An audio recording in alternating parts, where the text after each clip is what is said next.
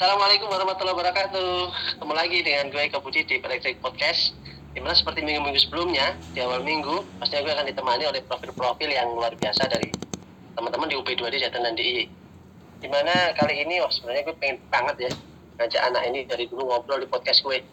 Ari Mulyo Travianto. Halo, halo bro. Halo, selamat siang bro. Sehat-sehat ya? Alhamdulillah sehat, harus selalu sehat untuk menjaga kelistrikan kita. Eh, Bang Ari, Ya, info awal, eh, Bang Ari ini berkecimpung di bidang distribusi, eh, khususnya di operasi sistem distribusi di UP2D Jatanan DIY eh, sebagai supervisor operasi di di sisi 2 Yogyakarta ya betul ya? ya betul, Eh, betul sekali. Oke oke. Eh, sebenarnya pekerjaannya sendiri di kesehariannya di bagian eh, operasi distribusi sama perannya sendiri di eh, bagian operasi distribusi apa sih bang? Baik. Eh, untuk kami, kami itu adalah sebuah tim, sebuah tim sebagai dispenser yang berupaya untuk menjaga listrik itu untuk selalu nyala, terus menerus mengalir ke pelanggan. Jadi peran kami adalah bagaimana caranya untuk menjaga keandalan kelistrikan untuk bisa sampai ke pelanggan.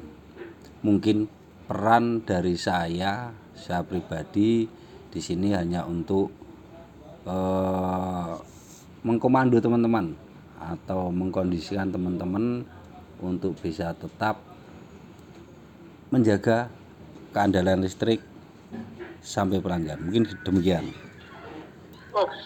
Itu pastinya juga ada di ini ya, juga ada di target eh, yang ada khususnya di UP2D maupun di di, di UID pastinya ya. Ya. Dengan KPI yang ada ya bang ya. Ya, benar, benar sekali, Bang. Nah, eh, upaya apa aja sih yang sudah dilakukan untuk teman-teman eh, mencapai KPI ataupun menjaga keandalan yang tadi Bang Ari udah sampaikan ya?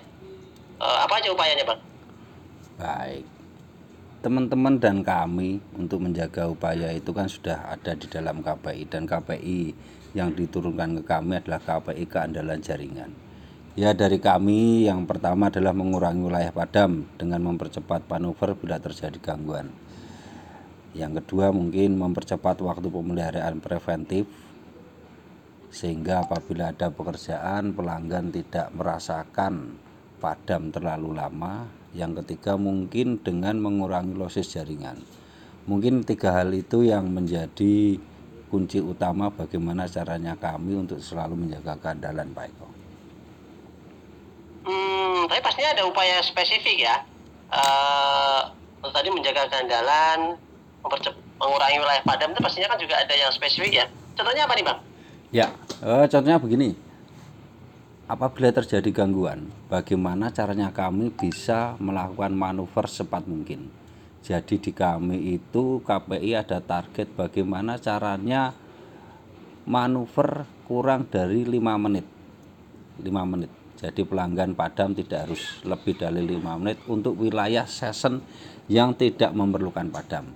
Upaya-upaya yang kami lakukan ya 5 menit ya. Iya.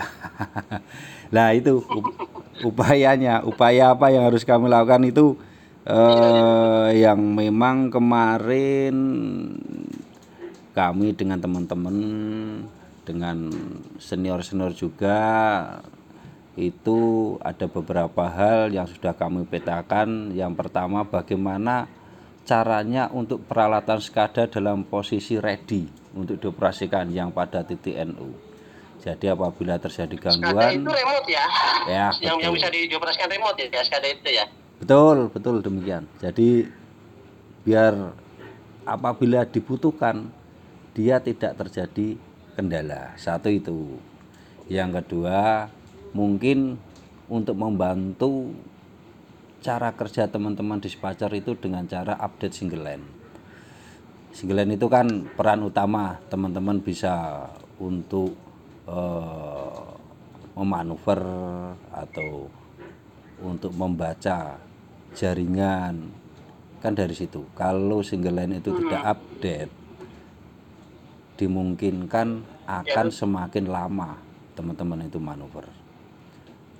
Yang ketiga mungkin yang kemarin kami lakukan itu adalah upskilling dari dispatcher sendiri.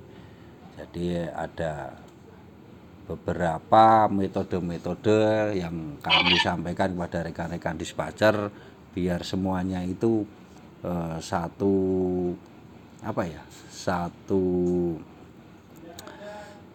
kemampuannya biar merata. Jadi semua orang itu mengerti bahwa Hmm, ya, bahwa sama ya, tujuan, sama lain ya, maksudnya Iya. bisa bisa bisa tahu ya pengetahuannya sama ya. ya betul demikian. Gitu Pak Eko. Kalau apa itu eh, upaya-upaya kami untuk menjaga keandalan Hmm. Nah, lo tertarik masalah upskilling nih bang. Eh, Upskilling kan bisa dilakukan baik dari eh, personal sendiri maupun dari luar ya. ya Mungkin udah ada bang eh, apa ya kayak pembelajaran atau mungkin eh, perlu nggak sih ada ada ada diklat khusus untuk teman-teman dispatcher gitu atau orang-orang yang pengen masuk ke, ke bagian bidang distribusi khususnya dispatcher gitu. Oh, kalau menurut kami perlu itu, Eh, perlu untuk pembelajaran, untuk pembelajaran untuk dapat memperdalam sebuah pengetahuan tentang jaringan distribusi, tentang peralatan distribusi, tentang dispatcher.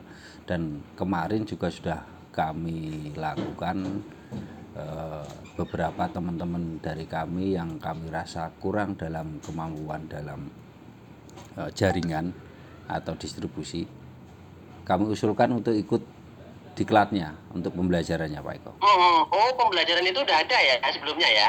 Ya betul demikian sudah ada pembelajarannya.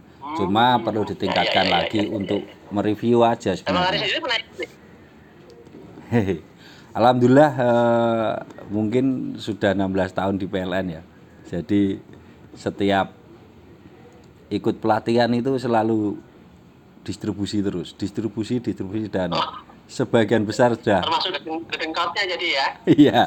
baik dedengkotnya di operasi maupun dedengkot diklat ya Iya betul demikian. Betul betul kalau betul. untuk eh, pengetahuan atau diklat yang ada sekarang sudah eh, sudah mencakup untuk seluruh pekerjaan teman-teman atau mendukung pekerjaan teman-teman sebagai dispatcher belum mbak? Kalau saat ini saya rasa sudah sudah untuk eh, mendukung pekerjaan dari teman-teman dan itu bisa terbukti dengan eh, KPI itu yang selalu tercapai, kinerja selalu tercapai dan target-target bisa selalu turun. Kan indikatornya ada di situ Pak Eko. Eh, mungkin itu kalau dari kami dispatcher bagaimana caranya eh, itu yang pasti selalu bagaimana meningkatkan terus apa yang harus kita pelajari.